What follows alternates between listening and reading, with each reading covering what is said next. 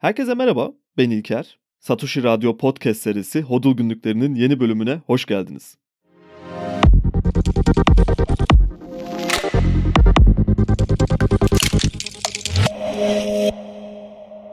Bugün Stone Ridge Varlık Yönetim Şirketi'nin 2023 yıllık yatırımcı mektubundan bir bölümle başlamak istiyorum. Öncesinde bilmeyenler için Ross Stevenson CEO'su olduğu Stone Ridge, Bitcoin Pro bir fon şirketi. Birçok alanda yatırımları var fakat Bitcoin'le de çok uzun bir süredir ilgileniyorlar. Özellikle Ross Stevenson 2020'de yine yatırımcı mektubu olarak yazdığı, neden Bitcoin'e yatırım yaptıklarını anlattığı, temel felsefesini ve gördükleri değeri paylaştıkları çok önemli bir makaleleri daha var. Ona da mutlaka bir bakmanızı tavsiye ederim. İnanılmaz bir parça çünkü. Fakat bu yıl bence bugün konuşacaklarımızla da çok ilintili olduğundan dolayı 2023 mektuplarından bir hikayeyle başlamak istiyorum. 1914 yılında Endurance gemisi ilk trans-Antarktik seyahati gerçekleştirdi. Geminin ismine lütfen dikkat edelim. Endurance yani dayanıklılık ya da dayanıklı denilebilir. Konumuzla çok ilgili ilginç bir hikaye var burada. Endurance'ın kaptanı Ernest Shackleton'ın böylesine zorlu bir seyahat için kendisine mürettebat bulması gerekiyordu. Bir gazete ilanı verdi ve şu şekilde adamlar aradığını ilan etti. Tehlikeli bir yolculuk için mürettebat aranıyor. Düşük ücretler, şiddetli soğuk, Uzun saatler süren zifiri karanlık var. Güvenli dönüş şüpheli. Başarı halinde onur ve takdir. Shackleton adamlarını bu kriterlere göre seçmek istedi. Çünkü sanırım yolda mızmızlanacak hiç kimseye katlanmak istemiyordu. Özellikle de transantarktik bir yolculuğa çıkıyorsanız, isteyeceğiniz en son karakterde insanlar sanırım sürekli mızmızlanmayı sevenler olabilir. Hayatın birçok alanında da geçerli bir şey sanırım bu zaten. Tabi eğer siz de mızmızlanmayı seven biri değilseniz. O zaman yanınızda kendiniz gibi olanları isteyebilirsiniz ama eminim ki bu karakter yapısı bir kişiyi ulaşmak isteyeceği hedeften belki de uzaklaştıran, yolundan dönmesine neden olabilen en temel kritik noktalardan birisi olabilir. Shackleton işte bu yüzden adamlarını yeteneklerinin yanında aynı zamanda karakter ve mizaçlarına göre de seçmek istiyordu. Ayrıca hiyerarşik bir yönetim anlayışının yerine ast-üst ilişkisini sıfıra yaklaştırarak yatay bir organizasyon şeması kurgulamıştı. 1914'ten bahsediyoruz bu arada. Şu anda bile bu dikey organizasyon şemasından çıkabilmeyi başaran şirketler ve kurumlar için inanılmaz bir yenilik olarak görüyoruz bu durumu. Belki de Bitcoin ile ilgilenenlerin büyük bir kısmının bence ortak noktalarından birisi de hiyerarşiden pek hoşlanmamaları ve dikey hiyerarşi yerine yatay bir organizasyon şemasına daha yatkın olmaları. Böyle bir karakter özelliğiyle ilgili pek konuşan olduğunu düşünmüyorum şu ana kadar ama çok açık bir şekilde hemen hemen hepimizin böyle olduğunu düşünüyorum. Ve Bitcoin ile ilgilenmemizin temel nedenlerinden birisinin de işte burada gerçekten verimli çalışan bir dağıtık sistemin farkına varmış olduğumuz için ilgimizi çektiğini sanıyorum. Hemen hemen hepimiz her konuda çok yakın şeyler düşünüyoruz ve bu bir tesadüf değil. Onu göstermek istedim sadece. Her neyse konudan çok uzaklaşmayalım. Belki süremiz yeterse bu kısma tekrar dönebiliriz ileride. Shackleton işte bu aradığı özelliklere göre bir mürettebatı topladıktan sonra Ağustos 1914'te İngiltere'den yola çıktılar ve 4-5 ay boyunca bahsettiği kötü hava şartlarında seyahat ettiler. Ocak 1915'e gelindiğinde Antarktika'nın bir noktasında buza saplandılar. Buradan kurtulmaları için ellerinden gelen tek şey buzların çözülmesi için bahar mevsimini beklemekti. Ve bu süreye kadar da umut etmekten başka yapabilecekleri hiçbir şey yoktu. Buza saplandıktan 3-4 ay sonra gerçekten de bekledikleri gibi oldu ve buzlar çözülmeye başladı Güney Baharı ile birlikte. Ancak bu onlar için belki de bekledikleri en kötü haberdi. Çünkü buzul kütleleri çözülürken saplandıkları yerde Endurance gemisinin gövdesine zarar verdi ve gövdeyi neredeyse parçaladı. Shackleton gemiyi terk ediyoruz emrini verdi mürettebat erimekte olan buzul kütlelerinin arasında kendilerine güvenli gördükleri bir kütleyi seçti ve bu kütlenin onları daha güvenli bir yere sürükleyeceğini umarak burada kamp kurdu. Ama bu beklentileri de gerçekleşmedi. 6 ay gibi bir kamptan sonra üstünde oldukları buzul kütlesi parçalanmaya başladı. Bu ikinci felaket gerçekleştiğinde tarihler Nisan 1916 olmuştu. İlk yola çıkmalarının üzerinden neredeyse bir buçuk yıl geçmişti yani. Mürettebat hemen bu buzulun üstünden ayrıldı ve filikalarına bindiler. En yakın kara kütlesine ulaşmak için 5 gün süren oldukça rahatsız ve şiddetli soğuğun altında yolculuk ettiler. 5 günlük bu yolculuk sonunda mürettebatın hepsi güvenli bir şekilde karaya çıkmayı başardı. Fakat çıktıkları yer herhangi bir kurtarıcı geminin onları bulma ihtimalinin bile olmayacağı ve kamp kurup çok uzun bir süre beklenilebilecek kadar da sağlıklı bir yer değildi. Orada kalmaları, beklemeleri ve umut etmeleri halinde neredeyse kesin bir şekilde eğer önce soğuktan ölmezlerse erzakları bittiğinde açlıktan dolayı öleceklerinin farkındaydılar. Bu yüzden Shackleton dikkatle seçtiği mürettebatından 5 kişilik bir alt ekip oluşturdu ve o basit filikalarından birini atlayarak 720 mil uzakta olduğunu bildikleri bir balina avlama istasyonuna ulaşmak için yola çıktılar. Bu tehlikeli yolculukta birkaç hafta yol kat ettikten sonra artık ulaşmak istedikleri kara parçası uzaktan görünmeye başladığında bir kasırgaya yakalandılar. Bu derme çatma küçük tekneleriyle bir şekilde bu kasırgadan da sağ çıkıp birkaç gün sonra karaya ayak bastılar. Ve sonradan öğrendiklerine göre aynı kasırgada hemen yakınlarında bir yerde 500 tonluk başka bir gemi batmış. Shackleton karaya çıkınca hemen 50 metrelik bir ip ayarlayıp tüm ekibi birbirine bağlayarak 36 saat boyunca 32 mil kat ederek bu balina avlama istasyonuna ulaşmayı başardı. Ve mürettebatın geri kalanı için bir kurtarma gemisi ayarlayıp zamanla yarışmaya başladı. Çünkü geride kalanların orada daha fazla durma ve bekleme şansları olmadığını çok iyi biliyordu. Seyahate çıktıkları ilk tarih olan Ağustos 1914'ten 2 yıl sonra ve Endurance gemilerinin buzula ilk oturmasından 19 ay sonra Ağustos 1916'da geride kalan mürettebata ulaşmayı başardılar ve onları da kurtardılar. Shackleton ilk işe alım ilanında adamlarını neyi beklediği konusunda çok net bir iş tanımı yapmıştı.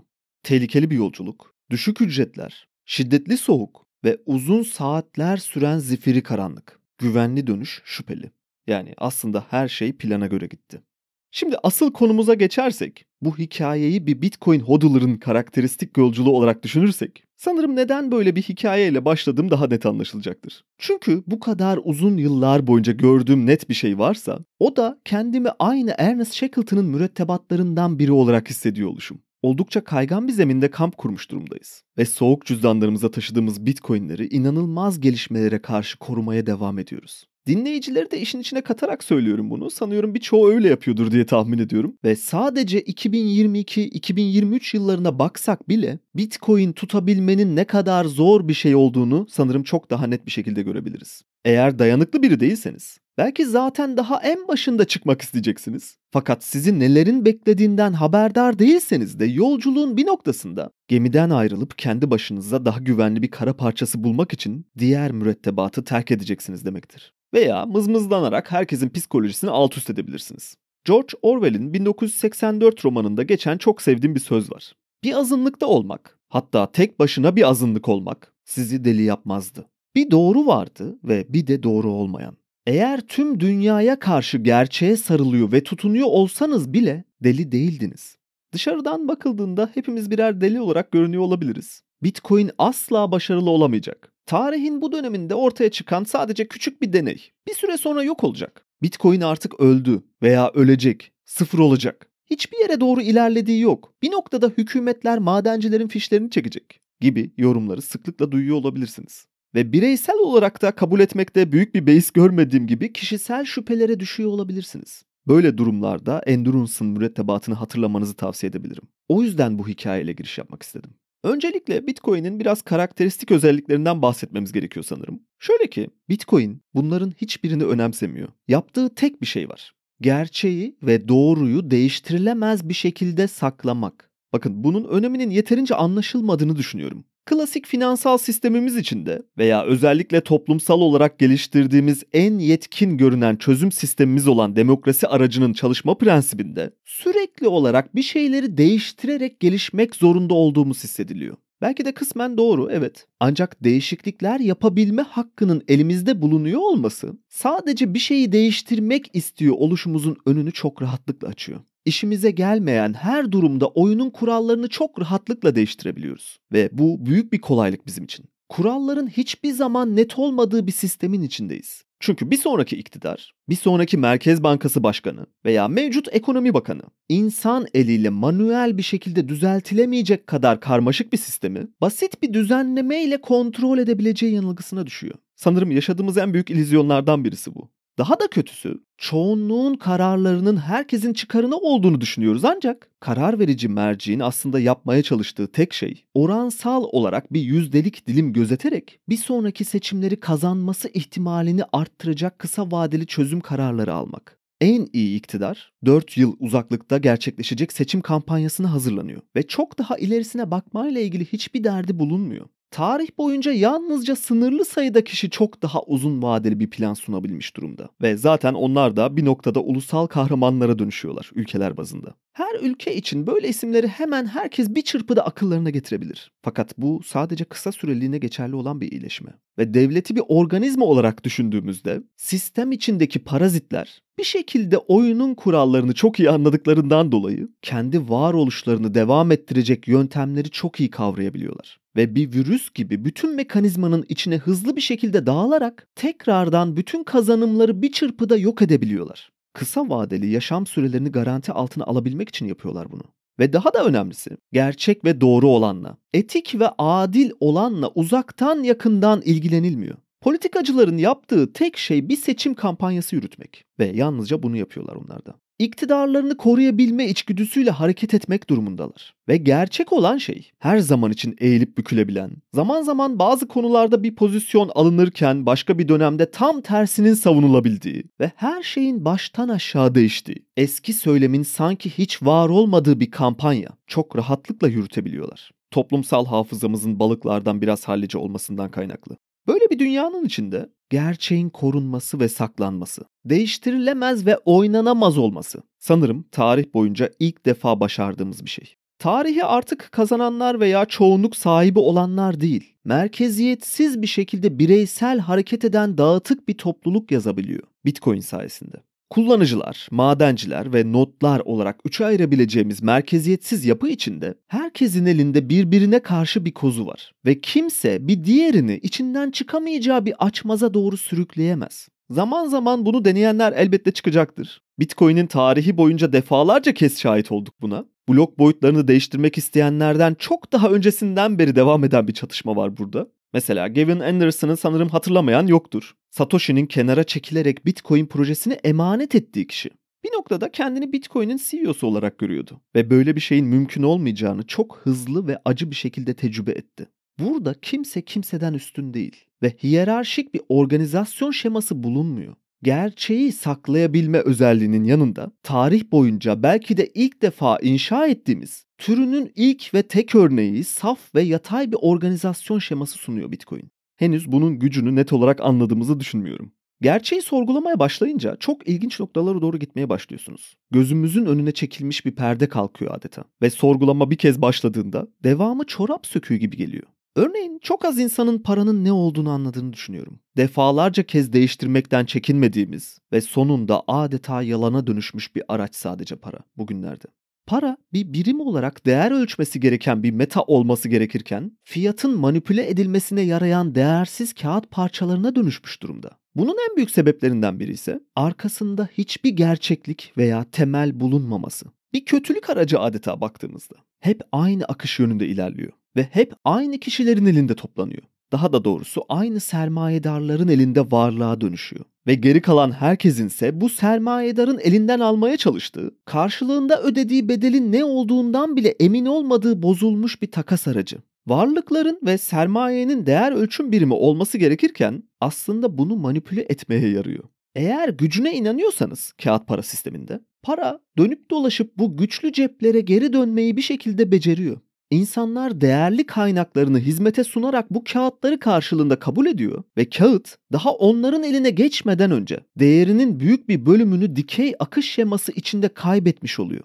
Böyle bir araçla gerçeğin ne olduğunu ölçmemiz mümkün değil. Sıklıkla bir zaman maliyetinden söz ediyoruz. Ancak buradaki maliyet hesaplamasında da merkez bankalarının belirlediği faiz oranlarına güvenmek zorundayız. Ne kadar güvenilir oldukları ise bir tartışma konusu. O yüzden bence temel prensipleri en baştan belirleyerek bir yolculuğa çıkarsak herkes için daha sağlıklı olacağını düşünüyorum ve gereksiz mızmızlanmaların ortadan kalkabileceğine inanıyorum. Bitcoin 2009 yılında parasal sistemi kökünden değiştirmek üzere ortaya çıktı. Tam da bu tarihte üstelik. Bu bölümün ilk yayın tarihi 3 Ocak'ta. 2009 yılında Satoshi Genesis bloğunu yarattı. Blok 0 yani. Kendinden önce var olmayan, yaratılmış olan demek Genesis. Bu tarih üzerinden 15 yıl geçti bugün. Baktığınız zaman sanki bir çırpıda geçmiş gibi görünüyor ancak Bitcoin'in varlığı bu kadar kısa süreli olmasına rağmen birçok badire atlattı. Aynı o Endurance gemisi ve mürettebatı gibi. Satoshi'nin bazı şeyleri daha ilk günlerde çok açık bir şekilde söylemeye çalışmasına rağmen bence olmakta olan şeyi hala çok iyi anladığımızı düşünmüyorum. Daha ilk blokta bloğun içine gömdüğü ve kimsenin değiştiremeyeceği, müdahale edemeyeceği veya gerçekleri saptıramayacağı mesajıyla sürekli bir şeyler anlatmak istedi. Ama sanırım biz bu yolculukta yolculuğun ana amacından biraz saparak özellikle de fiyat sinyalleriyle çok fazla ilgilenerek ciddi bir dikkat dağınıklığı içine girebiliyoruz. Belki de Satoshi Endurance kaptanı gibi davranmalıydı ve çok daha net olmalıydı. Emin değilim ama buradaki yeniliği fark edenler için artık hiçbir şey eskisi gibi değil ve artık 2009 yılında değiliz. Temel prensiplerden birisi paradan para yaratma probleminin çözümü. Burada çok basit bir denklem var aslında çok uzun bir süredir yanlış bir şekilde kurduğumuz. Para bir enerji karşılığında yaratılmalı. Karşılığında harcanan gerçek bir emek olmalı ki değeri olabilsin. F eşittir MA'dan düşünelim. Daha önce de vermiştim bu örneği. Bitcoin'in temel teorisini konuşurken. Yani enerjiyi yoktan var edemediğimiz gibi aynı şekilde parayı da arkasında gerçek bir harcanan kuvvet olmadan var edememeliyiz. Etmemeliyiz en azından. Tabi böyle yapmak kolayımıza geliyor. Çünkü nominal olarak rakamın büyümesini bir gelişme şeklinde görüyoruz. Ama işte tam da bu sebeple ekonomilerimiz sürekli olarak bir bombast döngüsü içinde hapsoluyor. Sürekli düzeltmelerden bahsediyoruz. Sürekli balonlar oluşuyor ve korku, açgözlülük endekslerimiz bir sarkaç şeklinde hareket ederek bizi iki uç duygu durumuna sürüklüyor ne yaptığımızla, neden yaptığımızla ve nasıl sonuçları olacağıyla ilgili hiçbir fikrimiz yok. FED başkanı bile faiz artışlarını ne zaman durduracağını veya ne zaman düşüreceğini bilemiyor. Bilmesi de mümkün değil ayrıca. Fakat biz ne yaptıklarıyla ilgili hiçbir fikri olmayan insanlara paramızın değerini korumaları konusunda güvenmeye devam ediyoruz. Bu güven sürekli tekrarlarla ihlal edilmek zorunda. Satoshi'nin dediği gibi. Başka bir çözüm yolumuz yok çünkü. Bir uzay mekiğinin içindeki maymunlara benziyoruz. Önümüzdeki kontrol panelindeki düğmelerin ne işe yaradığından bir haberiz. Fakat bu düğmelerle oynamaktan da kendimizi geri alamıyoruz. Bunun sonucu da genellikle orta ve alt sınıf için daha da fakirleşmeye sebep oluyor. Ve paranın yaratılış sürecinde otoriteye yakın duranların daha da zenginleşmesine neden oluyor. Çünkü bir taraf enerji harcarken diğer taraf bunun karşılığında yoktan var edebildiği bir metayla bu enerjiyi satın alabiliyor. Yine şöyle düşünelim, çok basit bir mantık kuralım ve tekrar Bitcoin'in temellerine inelim. Fakat Bitcoin'den örnek vermeyeceğim, altın üzerinden gitmek istiyorum ve bazı şeyleri değiştirerek bir deney ortamı yaratmak istiyorum. Böylece daha net anlaşılabileceğini düşünüyorum. Hepimizin bildiği gibi altın çok önemli bir değer saklama aracı. Eski dünyanın bize bıraktığı bu metal sanırım herkesin kabul edebileceği üzere sağlam bir para. Elbette defoları ve eksik kaldığı birçok taraf var. Bugün örneğin spot altın piyasası artık fiziksel altından tamamen ayrışmış durumda ve belki de değerini tam olarak yansıtmasına da engel oluyor bu. Çünkü altının çok kolay bir şekilde saflığı ispatlanamadığı için veya varlığı kontrol edilemediği için merkez bankalarının kasalarından son 50 yılda aldığımız tek tük fotoğraflara güvenerek onları sakladıklarını kabul ediyoruz. Ya da spot altın ETF'inin bu enstrümanın kendisini birebir oranda bulundurduğunu düşünüyoruz. Ama maalesef böyle bir şey yok aslında. Fakat bu detaylarda kaybolmayalım ve örneğe geçmek istiyorum artık. Şu anda 200 bin ton civarında çıkartılmış altın bulunuyor madenciliklerle birlikte. Bunun yarısına yakını mücevherat olarak saklanıyor. Devletlerin yine tuttuğu kısım yaklaşık 40 bin ton civarında. Diğer saklayıcıların ellerindekiyle birlikte 200 bin ton gibi bir rakama ulaşıyoruz. Dünya Altın Konseyi'nin 2023 verilerine göre rezerv olarak tespit edilmiş, madenciliği yapılmak için bekleyen yaklaşık 53 bin ton resmi stok var. Şu andaki madencilik çalışmalarıyla ve her yıl toplam stoğun yaklaşık %1.8 gibi bir rakamının çıkartıldığını hesaba katınca toplam dünya rezervinin 20 yıl içinde biteceği tahmin ediliyor. Bugün herkes petrolün 50 yıl içinde biteceğini, belki son 100 yıldır bir papağan gibi tekrar ederek söylemelerine rağmen altınla ilgili böyle sözlerin edilmemesi bana garip geliyor. Ama daha da garibi petrolün bittiği falan yok son 100 yıldır hep önümüzdeki 50 yıl içinde bitiyordu ama öyle olmadı. Yeni rezervler bulunmaya devam etti ve kanıtlanmış stok artmaya devam etti. Konudan çok sapmayalım ama altın içinde aynı şeylerin olabileceğini söylemek hiç de yanlış değil. Ayrıca daha geçen yıl Uganda'da şu andaki stok kadar yeni altın rezervi bulunduğu da söyleniyor. Ki kanıtlanması beklenen bir haber bu da. Böyle bir şey olmasa da yeni rezervleri yine de bulmaya devam edebileceğimizi söyleyebiliriz. Ve 20 yıl sonra altının bitmeyeceğinin garantisini bireysel olarak verebilirim. istatistiksel anlamda.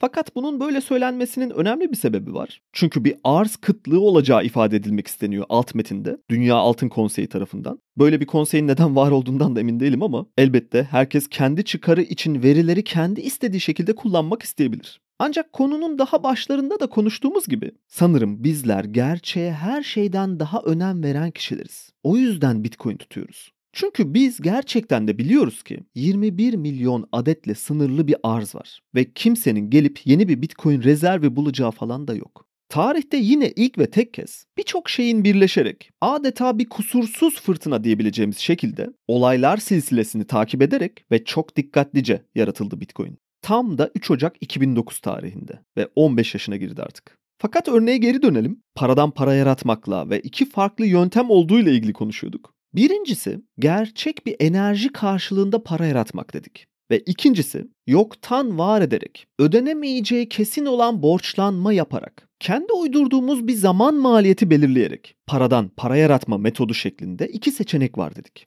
Şimdi altın rezervinin gerçekten de sabit olduğunu düşünelim. Çıkarılmayı bekleyen yalnızca 50 bin ton altın var diyelim. Ve size şunu söylesem.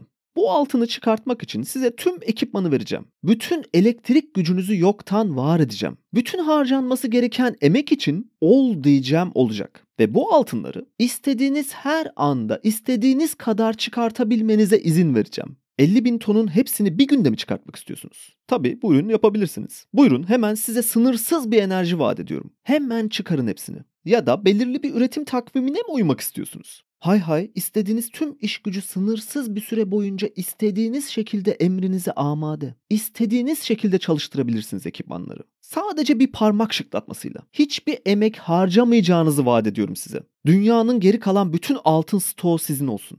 Şimdi tüm bunları düşününce sizce bu size izin verdiğim ve çıkarttığınız yeni altınların bir değeri olabilir miydi? Eğer herkes ne yaptığınızın farkındaysa ben bunu bir sır olarak saklamazsam eğer emin olun ki bu altınların hiçbir değeri olmayacaktı. Orijinaliyle aynı saflıkta olsa bile. Bakın bu çok enteresan bir düşünce. Yüksek ihtimalle olacak şeyi size söyleyeyim. Daha çok yakında Arjantin'de de şahit olduk aslında. İkisi de birebir aynı fakat iki farklı değerde dolar vardı Arjantin'de. Birisi bankacılık sistemindeki hükümetin manipüle ettiği ve değerini düşük gösterdiği sadece rakamlardan ibaret. Arkasında hiçbir kanıt olmayan, hiçbir enerji olmayan ve yalnızca dijital bir kayıttan ibaret olan resmi dolar vardı. Bir de fiziksel olarak teslim alabildiğiniz yerlilerin mavi dolar dediği ikinci bir piyasa daha var. Aynı para biriminin. Size sınırsız bir enerji kaynağı sunarak hiçbir emek harcamadan çıkartmanıza izin verdiğim altınlarda da işte bunun aynısı olabilir ancak. Piyasa yaptığınız şeyi fark ettiğinde büyük ihtimalle tüm altın stoğunu sarı altın ve ilkerin altınları olarak ikiye ayıracaktı. İşte bunun farkına varmamız gerekiyor parayla ilgili öncelikle. Değer sübjektif olmakla birlikte kişiden kişiye göre değişse bile arkasında hiçbir temel olmayan hiçbir değerleme olamaz. Kaldı ki işin daha ilginç tarafına geçelim isterseniz. Benim size sunduğum bu bedava altında size 50 bin ton gibi bir sınırlı rezerv vermiştim ve bundan başkası yok demiştim. Şimdi para sistemine dönelim isterseniz ve onların kendi kendilerine sundukları teklife bir bakalım. Merkez bankalarında sınırsız derecede bir para kaynağı var. Bakın bunu ben söylemiyorum. FED başkanlarından Neil Kashkari söylüyor. Federal Banka'nın kasasında tüm ihtiyaçlar için kullanılmak üzere yaratılmak için bekleyen sonsuz derecede kaynak var diyor. Lütfen gözlerinizi açın artık. İşte Bitcoin buradaki tüm sınırsız enerjiyi içine çekecek. Bu enerjinin bir değeri olmadığını ve sadece yaratılışçı bir yaklaşımla yoktan var edildiğini düşünürsek artık Tanrı'yı oynama rolünün gerçek bir değer karşısında hezimete uğramasını ve yok oluşunu izleyeceğiz. En azından değerleme anlamında. Bunu zaten çok uzun bir süredir izliyoruz ve Bitcoin diğer tüm para birimlerine karşı yüzde on binlerce kat yükseldi şu ana kadar. Ve insanlar buna baktığında burada bir balon görebiliyorlar bazen. Ancak yanıldıkları ve eksik kaldıkları nokta şurası. Evet burada bir balon var, haklılar. Fakat buradaki balon Bitcoin değil. Tam tersine onun değerini ölçmeye çalışan kağıt para birimlerinin kendisi bir balon. Ve bu balon patlamak üzere artık. Biz bunun yavaş yavaş gerçekleştiğini görüyoruz ve inanıyorum ki gelecekte bir gün bu zamana bakıp her şeyi çok daha net bir şekilde anlayabileceğiz. Gözümüzün önünde duruyormuş diyeceğiz. Belki tarihten yine dersler aldığımızı düşüneceğiz. Ama aynı hataları da tekrar etmeye devam edeceğiz. Ama Bitcoin'de çalışmaya, gerçek bir enerji saklamaya ve hiç kimsenin onayını alma ihtiyacı duymamaya devam edecek bir yandan. Tüm bunların mümkün olmadığı, olmayacağı söylenebiliyor. Bana bu hayır bu gerçek olamaz gibi bir reddedişi hatırlatıyor. Ama mümkün olamayacağı söylenen bu şey gerekli olan şey. Bu bir zorunluluk ve temel doğa yasalarının bir kanunu. Bütün sistemin aşırı şişen bir balonu dönüp patlayacağını ve her şeyin yerle bir olacağını söylemek istemiyorum aslında. Belki böyle şeylerden, apokaliptik senaryolardan hoşlananlar da olabilir. Ve bunların bir kısmının Bitcoin'i de belki sadece bu yüzden tuttuğunu söyleyebiliriz. Bu tarz insanları da kendine çekebiliyor. Ancak her şey bir anda olmasa bile yavaş yavaş ve kademeli bir şekilde eğer bence mümkünse yumuşak bir geçişle gerçekleştirilebilir. Eğer istersek. Bu yolu tercih edip etmeyeceğimizden emin değilim ama zorunlu bir şekilde karşılaşacağımız çok net bir sonuç var önümüzde. Hangi yolu tercih edeceğimiz ise tamamen bize kalmış. Tüm dünyanın iyileşmesi için gerekli olan bir şey belki de bu ve bu açıdan yaklaştığımızda eğer bir yatırımcı bakış açısına tekrar dönersek henüz hiçbir şey fiyatlanmış değil. Böyle bir şey mümkün de değil ayrıca. Evet, yakın bir zamanda Bitcoin Spot ETF'i bekleniyor. Belki de siz bu bölümü dinlediğinizde onaylanmış olacak. Evet, önümüzdeki 4 ay içinde Bitcoin ödül yarılanması gerçekleşecek. Bunlar önümüzde duran apaçık gerçekler ancak çok daha geniş bir perspektiften bakmamız gerekiyor. Ve bu küçük domino taşlarının yaratacağı etkinin arkasından devirmeye devam edeceği diğer taşların hiçbirisi ya da ulaşılacak nihai nokta fiyatlanmış değil. Fiyatlanması da mümkün değil. Ancak her şeyi bir Bitcoin standardına geçirirsek belki bir fiyatlamadan söz edebiliriz. Gayrimenkul fiyatları Bitcoin karşısında ezilmeye devam edecek. Çünkü kağıt paralarla fiyatlanıyorlar. Altın Bitcoin karşısında ezilmeye devam edecek. Çünkü aralarında çok büyük bir emek, enerji ve teknoloji farkı var. Kağıt para birimleri yine Bitcoin karşısında daha da ezilmeye devam edecek. Çünkü merkez bankalarının kasalarında sınırsız oranda para yaratmalarını sağlayan sihirli bir makine var. Halbuki biz Bitcoin'i sihirli bir internet para birimi olarak düşünüyorduk ilk çıktığında. Arthur C. Clarke'ın dediği gibi sanırım, yeterince gelişmiş bir teknoloji sihirden ayırt edilemiyor. İnsanoğlu olarak anlayamadığımız her şeye gerçek olması mümkün olmayan bir şeymiş gibi bakıyoruz. Hatta gerekli zamanı harcayıp anlamakla ilgili vakit harcamayı da reddediyoruz. Tarih böylesine inanılmaz kendine güvenen, statikocu bir zihniyetle zehirlenmiş inanılmaz egolu insanlarla dolu. Zaten bu yüzden mütevazi ol ve sadece satoshi biriktirmeye odaklan diye kalıplaşmış bir söz var. Bizim amacımız bütün dünyanızı başınıza yıkıp sizi adeta bir hapishaneye kapatıp hiçbir değer üretmediğiniz ama karşılığında ödeme aldığınız, yine ama bunun karşılığında sizin de çalışıyor gibi yaptığı, aslında neredeyse hiçbir emek harcamadığınızdan dolayı zaten ortaya bir değer çıkarmadığınız, herkesin üretmeden tüketebildiği yeni bir sistem kurmak değil. Bizim amacımız adil bir şekilde çalışanın adil bir şekilde ödüllendirileceği bir dünya düzeni. Ve artık bu kabul etmemiz gereken paradigma değişiminin içindeyiz. Bitcoin bu anlamda bir Truva atı görevi görüyor. Zaten bununla ilgili yaptığımız bir bölüm de vardı. 19. bölümde finansal piyasaların Truva atı olarak Bitcoin nasıl herkes aynı şeyi istemese de ve farklı amaçlarla burada olsa da bu bahsettiğimiz paradigma değişimine katkıda bulunacağının altını çizmeye çalışmıştık orada. Eğer dinlemeyenler varsa o bölüme de bakmalarını bir tavsiye edebilirim. Ve bence artık tedbirli davranacak zamanları çoktan geçtik. Evet belki Satoshi ilk Genesis bloğunu çıkarttığında ve Bitcoin ağını başlattığında şüpheci olmakta haklı olabilirdiniz. Zaten eğer bu ilk dönemlere bakarsanız Bitcoin'i anlattığı hemen herkesten aynı cevapları aldığını göreceksiniz. Böyle bir şey mümkün değil. Şu noktasında şöyle bir hata var. Bu sistemin çalışmasının hiçbir yolu yok. İnsanlar böyle bir şeye değer vermeyecektir gibi daha da çoğaltılabilecek şekilde birçok şüpheci yorum aldı Satoshi. Bazıları daha ilk anda fark etti ama hepimiz o kadar şanslı değildik ya da açık görüşlü değildik diyebiliriz. Ama artık içinde bulunduğumuz şu günlerde aradan 15 yıl geçti ve hala kafamızı kuma gömüp saklanamayız. Eğer hala anlamıyorsak bununla ilgili çok büyük bir problem yok aslında. Sadece doğru kaynaklara yönelerek, okuyarak, araştırarak gerçekleri çok rahatlıkla bulabiliriz. Tüm bunların hepsi de kişisel bir yolculuk ve bu yolculuğa çıktıktan sonra insanın yol boyunca birçok dönüşümden geçtiğini, kafasındaki birçok ölü hücrelerden arındığını söyleyebilirim kişisel olarak. Fakat şunu da eklemek gerekiyor. Bu yolculuğun Endurance'ın transantarktik yolculuğundan bile daha zor olduğunu ve yalnızca gerçekten hak edenlerin sonuca ulaşabileceğini söyleyebilirim. Eğer fiyat odaklıysanız sizin için burada kullanmam gereken çok güzel bir söz kalıbı var. Herkes hak ettiği fiyatta Bitcoin anlar. Artık 2009 yılında değiliz Toto. Dünya ile ilgili birçok şey değişti. Teknoloji inanılmaz noktalara geldi. Daha o yıllarda akıllı telefon diye tanıtılan tuğla benzeri cihazlara bugün birer çöp muamelesi yapıyoruz. 15 yılda bir insanın hayatında her şey değişebilir teknolojiyle birlikte. İnterneti ele alalım. Bir protokol olarak düşünürsek internet daha henüz bebekti bile diyebiliriz belki o dönemde. Ve üstünde geliştirilen uygulamaları daha ilk defa o yıllarda görmeye başladık. Tabii daha öncesi de var ama şu anda kullandığımız sosyal medya araçlarından bahsediyorum. Twitter ve Facebook o günlerde bir kolej projesi gibiydi bugünden baktığımızda. Ama internetin tüm bunları sağlayan bir altyapı olarak, protokol olarak bugün geldiği noktaya bir bakın. Protokoller öyle kolaylıkla değişebilen şeyler değiller. Onların üzerine inşa edilen katmanlarla dönüşen şeyler. Aynısı Bitcoin için de geçerli. Çünkü o da bir protokol ve üzerinde oluşturulacak inanılmaz dahi yani ve kullanım kolaylığı yaratacak katmanları bekliyor. Birileri şu anda bunları geliştirmeye devam ediyor. Oz Büyücüsü filminde çok ünlü bir sahne vardı. Belki hatırlayanlar olacaktır. Bu bölümün başlığı da oradan geliyor zaten. Filmde Dorothy karakteri kendi dünyasında köpeği Toto ile takılırken bir fırtınaya yakalanırlar. Ve büyülü bir şekilde kendilerini bambaşka bir dünyanın içinde bulurlar bir anda. Her yer rengarenk ve büyülü gibi görünen yeni bir dünya. Dorothy etrafına bakınır, anlamaya çalışır ve köpeğine şöyle der. Toto artık Kansas'ta olduğumuzu sanmıyorum. Bu söz çok önemli bir kalıp bence. Sıkça da kullanılan bir şey zaten ama bizim durumumuza da çok net bir şekilde uyduğunu düşünüyorum. Çünkü şu anlama geliyor. Artık normal dünyamızın dışına adım attık. Farklı bir yerdeyiz. Burası bizim bildiğimiz, tanıdığımız o eski evimiz değil. Daha önce tecrübe ettiğimiz bir yer değil. Normalin dışında, alışılmadık, rahatsız edici belki ve tuhaf bir his betimlemesi için kullanılan bir söz kalıbı bu. Paradigma değişimleri tam olarak böyle gerçekleşiyor işte.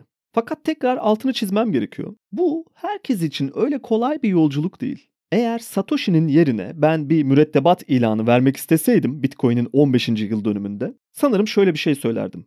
Bir azınlık olacaksınız. Deli gibi görüneceksiniz. Eleştiri dozu yüksek yorumlara maruz kalacaksınız. Uzun yıllar sürecek zifiri bir karanlıkta gibi hissedeceksiniz. Her şeyin yolunda gitmesi ise şüpheli. Başarı durumunda ödül daha adil bir dünya düzeni ve gerçeğe dayanan bir para sistemi.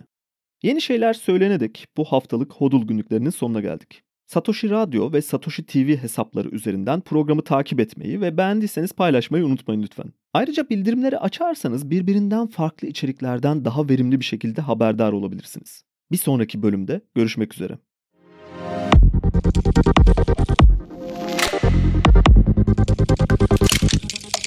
Yeah.